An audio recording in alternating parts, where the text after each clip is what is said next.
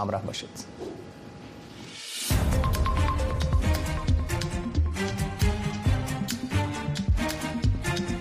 سرخط سه خبر مهم در برنامه امروز تلویزیون آشنا صدای امریکا از واشنگتن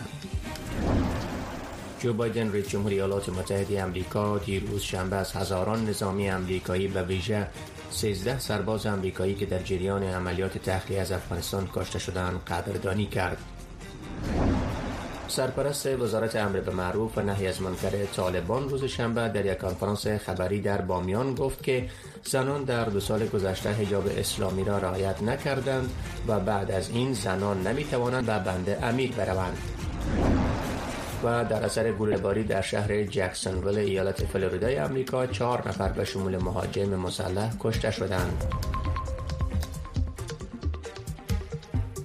سلام بینندگان گرامی به برنامه امروز خوش آمدین. امروز یک شنبه 27 ماه اگست سال 2023 میلادی است. برنامه امروز به طور مستقیم از طریق وبسایت و فیسبوک تلویزیون آشنا. صدای امریکا و همچنین در رادیو روی موج متوسط 972 کیلوهرتز به نشر می‌رسد. من محمد احمدی هستم.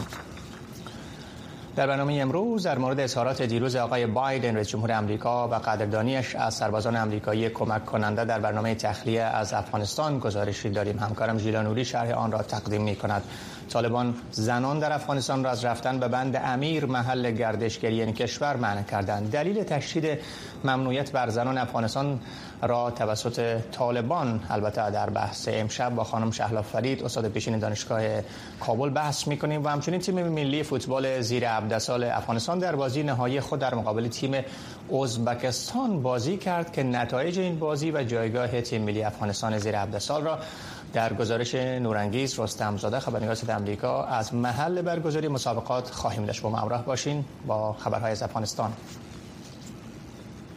جو بایدن رئیس جمهوری ایالات متحده روز شنبه 26 اگست از هزاران نظامی آمریکایی به ویژه 13 سرباز آمریکایی که در جریان عملیات تخلیه از افغانستان کشته شدند قدردانی کرد. در همین حال شماری از جمهوری خواهان در کنگره ایالات متحده آمریکا از دولت بایدن خواستار پاسخگویی درباره کشته شدن 13 سرباز آمریکایی در حمله 26 اگست سال 2021 در میدان هوایی کابل شدند. همکارم ژیلا قسمی گفتم در استودیو با من هست. جیلا جان جزئیات اعلامیه قصر سفید در این باره چی است؟ تشکر آقای احمدی. قصر سفید در دومین سال روز خروج نیروهای آمریکایی از افغانستان از 13 سرباز آمریکایی که در حمله انتحاری داعش در جریان تخلیه کشته شدند یاد بود به عمل آورد. در اعلامیه قصر سفید آمده که ما یاد یا 13 سرباز را که خیلی زود از خانواده ها و عزیزان و برادران و خواهرانشان را بوده شدن برای همیشه گرامی خواهیم داشت. یک روز قبل از مسلط شدن طالبان بر کابل در الاسی آگوست 2021 122 هزار از میدان هوایی کابل تخلیه شدند که طی روان تخلیه در نتیجه حمله انتحاری گروه داعش 170 غیر نظامی افغان و 13 سرباز آمریکایی در اطراف میدان هوایی کشته شدند. رئیس جمهور بایدن در اعلامیه همچنان گفته که ما هرگز نمی‌توانیم فداکاری غیر قابل باور هیچ یک از 2461 نظامی آمریکایی را که در دو دهه جنگ در افغانستان جان باختند و همچنان 20744 نفر که زخمی شدند را جبران کنیم. این در حال است که روزشنبه سفارت ایالات متحده آمریکا در بر افغانستان در قطر به مناسبت سالروز 19 همین تعدیل قانون اساسی آمریکا که از حق رأی زنان حمایت می‌کنند. در شبکه اجتماعی اکس یا توییتر نوشته که در این روز که آمریکا برابری زنان دستاوردهای فعالان و رهبران حقوق زنان را جشن می‌گیرد ایالات متحده تعهدات خود برای حمایت از زنان افغان که برای مشارکت کامل در زندگی تلاش می‌کنند تکرار می‌کنند از سوی دیگر هدربان معاون بخش زنان سازمان دیدبان حقوق بشر شنبه در شبکه اجتماعی یک نوشته که بسیاری زنان افغان زندگی را در حاکمیت طالبان مانند یک زندان در فضای باز برای زنان و دختران توصیف کردند که این مسئله یک انکشاف هشدار دهنده و را نشان که اغراق آمیز نیست. سفارت امریکا برای افغانستان که از قطر فعالیت می‌کند تاکید نموده است که هیچ کشوری نمی‌تواند با منزوی ساختن نصف شهروندان خود پیشرفت کند و حقوق زنان حقوق بشر است. آقای احمدی تشکر از شما جلا جان که شرح این گذاشت را بیان داشتم. طالبان زنان افغان را از رفتن به پارک ملی بند امیر در بامیان منع کردند. محمد خالد حنفی سرپرست وزارت امر به معروف و نهی از منکر طالبان دیروز در یک کنفرانس خبری در بامیان گفت که زنان در دو سال گذشته حجاب اسلامی را رعایت نکردند و اکنون باید جلوه آن گرفته شود. سرپرست وزارت امر معروف و نهی از منکر طالبان از نیروهای امنیتی و باشندگان بامیان خواسته که در اجرای این ممنوعیت با همکاری کنند. این ممنوعیت بر آزادی اجتماعی زنان در ادامه محدودیت و ممنوعیت بر آموزش، اشتغال و فعالیت‌های اجتماعی بیرون از خانه از زنان توسط حکومت طالبان طی دو سال گذشته می باشد. برای بررسی دلایل تشدید سرکوبی آزادی زنان افغان از سوی طالبان اکنون با خانم شهلا فرید استاد پیشین فاکولته حقوق دانشگاه کابل صحبت می‌کنیم که یکن از فعالین حقوق بشر نیز می باشند خانم فرید سلام روزتان بخیر. در حالی که سفارت ایالات متحده برای افغانستان بار دیگر انفاذ محدودیت بر زنان در افغانستان تحقیق کرد اما طالبان با یک عمل جنجال برانگیز دیگری زنان را از رفتن به یک محل تفریحی منع کردند. هدف طالبان به نظر شما از انفاذ این نوع محدودیت ها چی است؟ با سلام به شما بینده محترم شما. ببینید که هدف منحصر به فرد خود طالب است از محدودیت هایی که برای زنا وضع می‌کنن که من فکر می‌کنم اینا فکر می‌کنن با, با وضع کردن محدودیت ها به نسبت زنا می‌تونن که یک اصلاح از لحاظ اخلاقی در جامعه و بار بره که او اصلاح ارتباط می‌گیره با مردا. ولی ما به این نظر هستم از اونجایی که انسان یک موجود اجتماعی از هیچ کس نمی‌تونه انسان محدود به خانه بسازه و آزادی های از محدود نموده و فعالیت اجتماعی از رو قطع کنه. چون خودش مشکلات بزرگ را خلق می‌کنه. و در نتیجه ما می‌تونیم بگوییم که وقت تابعیت یک رابطه سیاسی و حقوقی است. وقتی یک تابع در یک کشور یا یک شهروند حقوق خود از بین رفته فکر می‌کنه او کوشش می‌کنه که او محل ترک کنه و به جای بره که در اونجا آزادی داشته باشه در جای بره که به حیث یک موجود اجتماعی اهمیت داشته باشه. لذا من فکر می‌کنم نتایج بسیار بد رای به بار خاطر و خواست طالبایی است که با حذف کردن زنا از فعالیت اجتماعی و حتی از تفریح اینا می‌تونن یک فضای امر بر مردا ایجاد کنن که تا مردا گناهکار نشن. و خدا یک مشتری بله. خوب بهشت بسازن چه فکر می‌کنین؟ چقدر انفاذ این محدودیت های یکی پی دیگری که صورت می‌گیره بر زنان دلیل سیاسی داره؟ آیا به نوی طالبان فکر می‌کنن که خشمگین هستن که حکومتشان تا به حال از سوی جامعه جهانی به رسمیت شناخته شده و می‌خوان این گونه از جامعه جهانی باج بگیرن؟ و اینکه این روی کرد چه واکنش را در جامعه از سوی مردم در پی خواهد داشت؟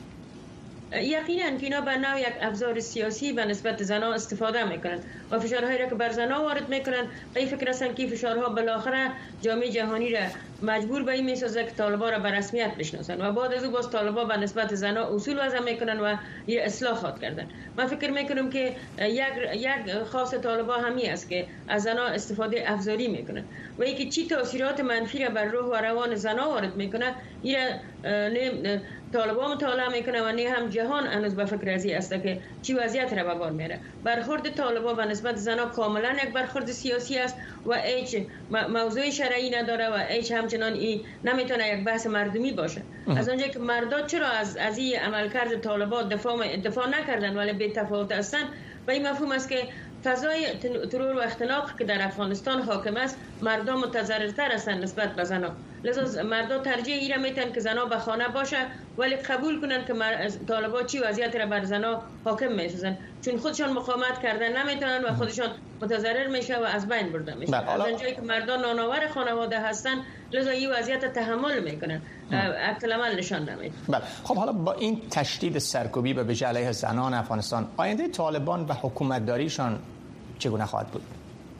من فکر می‌کنم هیچ حکومت نمی‌تونه با حذف نصف نفوذ کشور خود حاکمیت مردمی داشته باشه یا حاکمیتشان دوام داشته باشه. من فکر می‌کنم عمر حاکمیت سیاسی خود طالبا با این عملکردهای خود کوتاه‌تر می‌سازه. سپاس از شما خانم شهلا فرید استاد پیشین فاکولته حقوق دانشگاه کابل و همچنین از فعالین حقوق بشر در ایالات متحده آمریکا که در بحث امروز دیدگاه خود را مطرح کردن. موفق و کامیاب باشید. وزارت خارجه طالبان می‌گوید که امیرخان متقی سرپرست این وزارت و هیئت مجلس ایران در مورد مسائل امنیتی، مبارزه با مواد مخدر، حفاظت از مرزها و تجارت گفتگو کردند. حافظ یا احمد معاون سخنگوی وزارت خارجه طالبان در شبکه اجتماعی اکس که قبلا توییتر نامیده می‌شد امروز نوشت که آقای متقی به هیئت هفت نفره مجلس ایران که وارد کابل شده گفت که با حاکمیت دوباره طالبان در افغانستان امنیت کامل در این کشور برقرار شده و به گفته او نیروهای طالبان توانستند که جنگجویان داعش را از بین ببرند این ادعای سرپرست وزارت خارجه طالبان در حالی است که شورای امنیت ملل متحد به تازگی درباره آنچه ادامه فعالیت شاخه ولایت خراسان داعش در افغانستان خوانده است ابراز نگرانی کرد. اما زبیلا مجاهد سخنگوی حکومت طالبان امروز در اعلامیه با رد این گزارش ادعا کرد که طالبان توانایی عملیاتی داعش را از بین بردند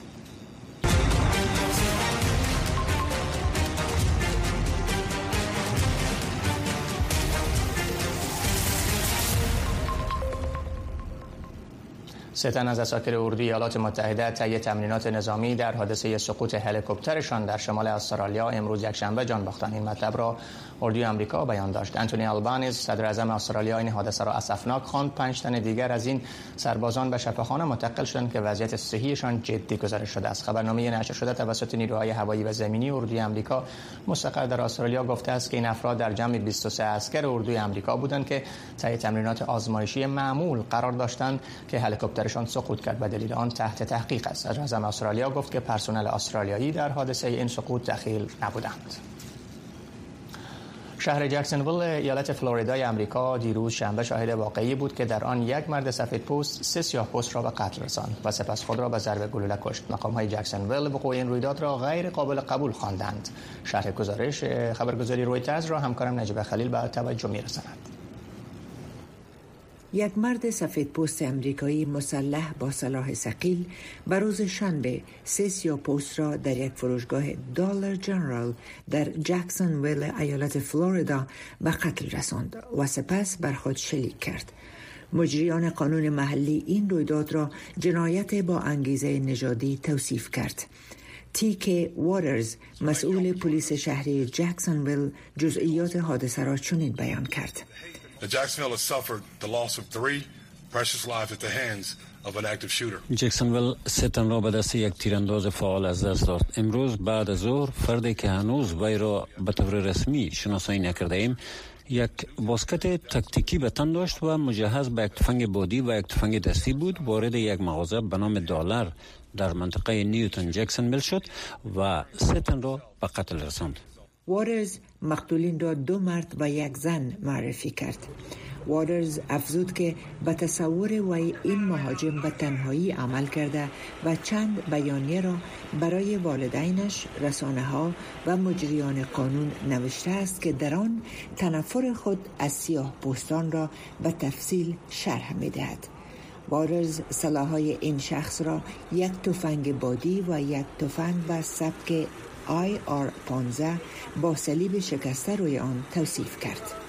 در همین حال دان دیگن شاروال جکسونویل این رویداد را غیر قابل قبول خواند و گفت واقعا این غیر قابل قبول است. هیچ یک از ما نمی‌توانیم در مورد احساس خوبی داشته باشیم. کشتن یک تن خیلی زیاد است اما کشتارهای جمعی واقعا دشوار است و من می‌دانم که همه ما روی راه های حل این چنین تیراندازی ها در اینجا متمرکزیم. تصاویر شاهدان عینی که در رسانه های اجتماعی به اشتراک گذاشته شده نشان می دهد که پلیس در جکسنویل جاده منتهی به محل حادثه را برای ترافیک مسدود کرده. کمیته تحقیقات روسیه امروز یک شنبه گفت که نتایج آزمایش های تبدلی هویت ده تن از کسانی را تایید کرده است که در سقوط تیاره چهارشنبه گذشته جان باختند. در میان جان باختگان یفجینی پرکوژین بنیانگذار گروه واگنر شامل است. پرکوژین یک شورش را علیه اردوی روسیه به تاریخ 23 تا 24 به ماه جون رهبری کرد که ولادیمیر پوتین رئیس جمهور روسیه گفته بود این کار او می توانست روسیه را به یک جنگ داخلی سوق بدهد. آن شورش با مذاکرات و توافق کرملین طوری پایان یافت که پرکوژین با انتقالش به بلاروس توافق کرد اما او بعد از آن دیده شده بود که در داخل روسیه آزادانه رفت آمد می‌کرد.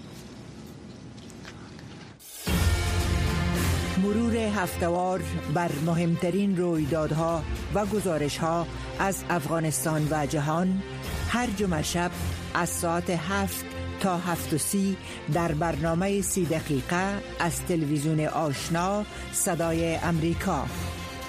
پخش زنده این برنامه را در نشرات ماهواره‌ای صدای امریکا نیز دنبال کرده می توانید.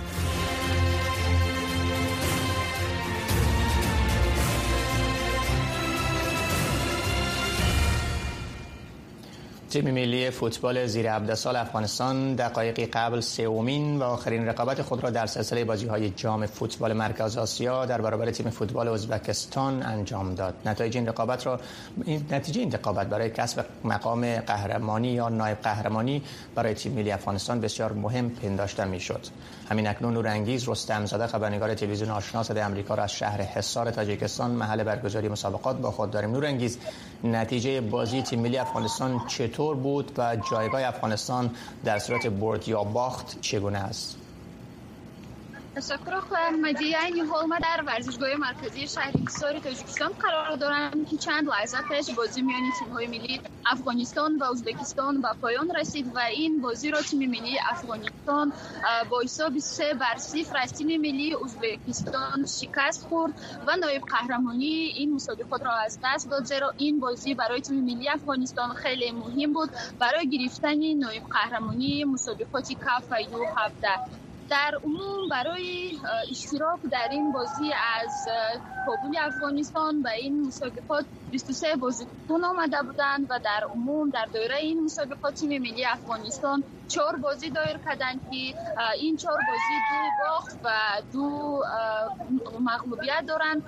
در بازی اولی خود تیم ملی قرقیزستان را با حساب سه بر صفر شکست داده بودند و تیم ملی ایران را باشد با حساب دو بر یک. از تیم ملی تاجیکستان در این بازی تیم ملی افغانستان با حساب سه بر یک شکست خوردند. و امروز باشد از تیم ملی ازبکستان با حساب سه بر صفر و در عموم در نتیجه این مسابقات این است که تیم ملی افغانستان جایگاه سیوم را در این مسابقات به دست آورده از جایگاه دوم نصیب تیم ملی ازبکستان است و از همه با امتیاز بیشتر تیم ملی تاجیکستان قهرمانی این مسابقات را بله. سزاوار گشته است و باید گفت که پس از چند لحظه در اینجا در ورزشگاه مرکزی تحریف سری تاجیکستان مراسم جایزه سپاری این مسابقات برگزار می شود که بازیکنی افغانستان و دیگر تیم ها علاقه جام های خود را به دست می آورند آیا کدام بازی دیگه هم در ساعت پیشروی بین دو تیم دیگه هست؟ پس از چند لحظه بازی میانی تیم های تاجیکستان و ایران شروع می شود که نتایج نتیجه این بازی برای جایگاه هایی که علاقه گرفته شدند یگان تاثیر نخواهد داشت. زیرا با امتیازهای جدول علاقه معین است و از روی این تاجیکستان قهرمان این مسابقات خواهد شما که بازی را تماشا کردین به نظرتان حال هوای بازیکنان تیم ملی افغانستان و ویژه که جوانا بودن چطور بود؟ چطور ظاهر شدن؟ تیم ملی افغانستان این در این بازی خود معلوم می‌شد که خیلی از جهت روحی خیلی قوی نبودن نظر به دیگر بازی که آنها داشتن. در من مشاهده بازی آنها با تیم ملی قرقیزستان بودن و آنجا تیم ملی افغانستان تیم ملی قرقیزستان رو با حساب سه بر صفر شکست خورد و در دقیقه اول الله توانسته بودند که گلها را به ثمر رسانند. ولی امروز در بازی آنها آن روحیه که در بازی قبلی داشتن نشان دادن نتوانست. شما آیا تانستین که با تعدادی از مسئولینش صحبت بکنین؟ مسئولین ای تیم ملی افغانستان چی باور داشتن؟ یعنی که چه انگیزه ای باعث شد که بتونن برد داشته باشن و چه دلایلی باعث شد که تیم یعنی بازی آخر حداقل ببازن؟ خودی امروز من با یگان نفر از مسئولین تیم صحبت نداشتم ولی چند چند روز پیش با سرمربی تیم ملی افغانستان آقای فیضی صحبت داشتم و آنها گفته بودند که برای این بازی برای گرفتن غالبیت آمده بودند و هفت ماه برای آمادگی می‌دیدند که قهرمان این مسابقات گردند حتی امکانیت هم موجود بود ولی نتیجه این نشان داد که متاسفانه تیم ملی افغانستان هم قهرمانی و هم نایب قهرمانی این مسابقات را به دست آورده نتوانست. تشکر از شما همکار گرامی که شرح بیشتری از نتایج بازی های فاینال یا بازی نهایی تیم ملی افغانستان را زیر 17 سال را در مقابل ازبکستان گزارش دادین و جایگاه افغانستان در این جام یا مسابقات سوم بوده. تشکر از شما. خسته نباشید. در عصر و زمان تغییر که جهان نامطمئن به نظر می رسد و آنچه میشنویم منعکس کننده آنچه می بینیم نیست.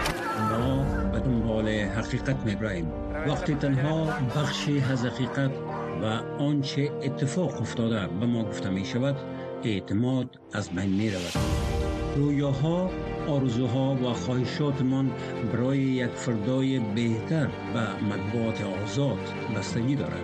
در صدای امریکا ما روایتگر گزارش هایی هستیم که مردم برای دیدن آن خطر را متقبل می شوند ما در صدای امریکا جهان را با حقیقت به هم نزدیک و متحد می سازیم ما تصویر کامل حقیقت و آنچه را که اتفاق افتاده به شما بازگو می کنیم خوشحالی در سالهای اخیر در افغانستان نه تنها به اقتصاد کشور ضربه وارد کرده که بلکه زندگی کشاورزان نیز با مشکل مواجه ساخته است. کارشناسان محیط زیست دلیل افزایش خشکسالی را تغییرات اقلیم قرار داد قلمداد کردند و افغانستان را از جمله ششمین کشور شناسایی کردند که از این بابت زیاد متضرر شده است. شری بیشتر گزارش خبرگزاری رویترز را همکارم به توجه میرسانند روز گرمی است. آفتاب بر مزاری خشک عبدالحد در شمال افغانستان میتابد. او با چند تن از کارگرانش مصروف جمعوری حاصل گندم از زمین للمی خود می باشد این دهقان 55 ساله قبلا سال دو یا سه بار گندم می کاشت اما در سه سال گذشته به دلیل خشکسالی و کمبود آب تنها یک بار توانسته گندم بکارد و حاصل بگیرد. سه سال میشه که بیخی خشکسالی است.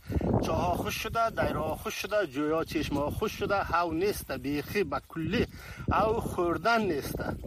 یک کشتکاری که زمین است که چطور زمین اینمی تو به اوی اینمی تو است حاصلات 9 هکتار زمین و رو به کاهش است و محصولاتش به سختی می تواند جوابگوی تامین مصارف خانوادهش که در ولسوالی نهرشاهی ولایت بلخ زندگی می کنند باشد.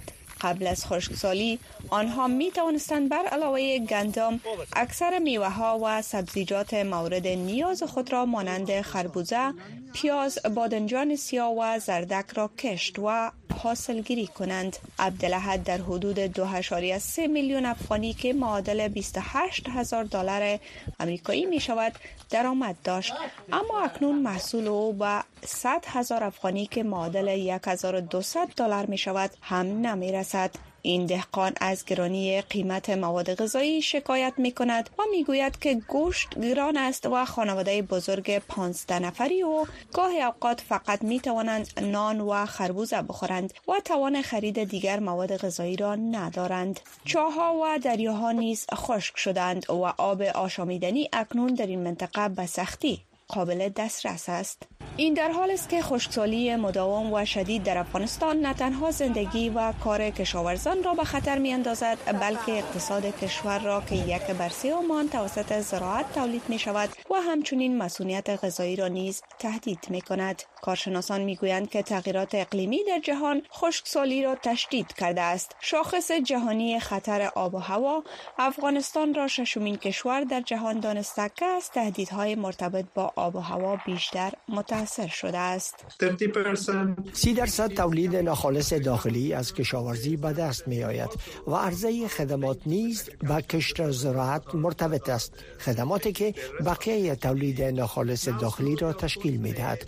اگر کشاورزی تحت تاثیر قرار گیرد، امنیت غذایی را تحت تاثیر قرار می دهد و امرار معیشت نیز تحت تاثیر تغییرات آب و هوا قرار می گیرد. این در حال است که در دو سال حاکمیت طالبان در افغانستان و خروج نیروهای خارجی از این کشور کمبود آب و کشمکش های کشاورزی یکی از چالش های اصلی حکومت آنها بوده است با کاهش کمک های بشردوستانه در سال جاری و عدم برسمیت شناسی طالبان توسط دولت های خارجی امدادگران و دیپلمات ها می‌گویند که سطح کمک های توسعه برای کمک به حل این مشکل بسیار محدود است. این در حال است که برنامه جهانی غذای سازمان ملل متحد می‌گوید که 15.3 میلیون نفر در این کشور با عدم مسئولیت غذایی حاد مواجه هستند. فرخنده پیمانی تلویزیون آشنا صدای امریکا واشنگتن امریکا یکی از کشورهایی که میزبان فرهنگ ها، میلیت ها، سنت ها و ارزش های متنوع و بسیار مختلف از سراسر جهان است. زندگی در امریکا و مهاجرت به اینجا مانند سایر کشورها سختی ها و لذت های خود را دارد. برخی افراد با تلاش و با استفاده از فرصت ها می توانند به رویاهای خود برسند و برخی ها با مشکلات روبرو می شوند زندگی در امریکا. هر جمعه از ساعت 6 الا 6 نیم بعد از ظهر به وقت افغانستان.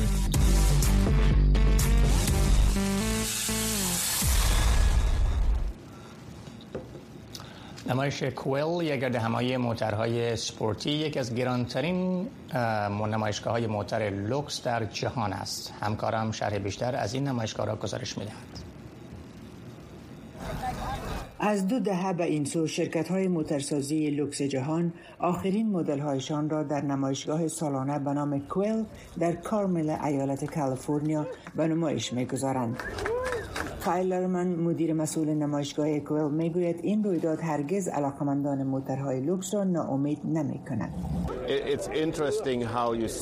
دیدن این که این موترها با گذشت سالها چگونه تکامل کردن جالب است و هم این که چگونه این مدل های مهندسی را در کنار هم قرار می دهند تا ماشین جذاب جدیدی را ارائه کند که موتر را حتی سریعتر یا سازگارتر با محیط زیست عرضه کنند. سازنده موترهای سپورت بریتانیایی به نام لوتوس نمایش خود را با معرفی موتر جدید سیزنگر 21 بلکبرد آغاز کرد. این موتر پرواز نمی کند اما با حد اکثر سرعت نزدیک به 220 مایل در ساعت ممکن است احساس کنید که پرواز می کند. قیمت آن 3 میلیون دلار است و تنها چهار عدد ساخته خواهد شد. MC Xtrama یک موتر مسابقه مخصوص با ماشین شش سلندر است که قیمت آن یک میلیون و پنجصد هزار دلار تخمین زده می شود. این قوی ترین مازارتی است که تا به حال تولید شده است. یک مشتق از مازارتی ما است که برای مازارتی طراحی و مهندسی شده است. با انجین دوگانه V6 و دو ماشین سه بنابراین ما انتظار داریم که بیشترین عملکرد را با افراطی ترین تولید این موتر نشان دهد. تورستن مولرد اوتوس مدیر عامل موترهای رولز رایس می‌گوید که مدل جدید مثل یک موتر برقی احساس نخواهد شد زیرا این موتر شبیه یکی از سنگین ترین موترهای غیر زیرهی است که تاکنون با وزن تقریبا 3000 کیلوگرم ساخته شده است. اول باید یک رولز رایس باشد و بعد موتر برقی. هر کسی که قبلا این شانس را داشت که موتر را براند کاملا تحت تاثیر قرار گرفت که چگونه آن را ساختیم. آنچه شما احساس می‌کنید آنچه میشنوید آن چیزی که با تماس حواس خود استشمام می‌کنید واقعا رولز رویس است. لمبرگینی موتر جدید خود لانزادور را معرفی کرد. لمبرگینی در جشن شستمین سالگرد تأسیس خود می‌گوید در نیمه اول سال 2023 به فروش بی سابقه دست یافته است. سال مهمی برای ما است. زیرا با بزرگترین سرمایه گذاری برای آینده این شرکت روبرو هستیم. بنابراین ما بسیار خوشحالیم. بازار خیلی به ما کمک می کند برند قوی می شود موترهای ما تقریبا تمام شده. بنابراین ما در این سالگرد واقعا در بهترین وضعیت ممکن قرار داریم. برند موترهای لوکس ایتالیایی پینین فارینا موتری که احتمالا گرانترین موتر در این نمایشگاه بود را به نمایش گذاشت.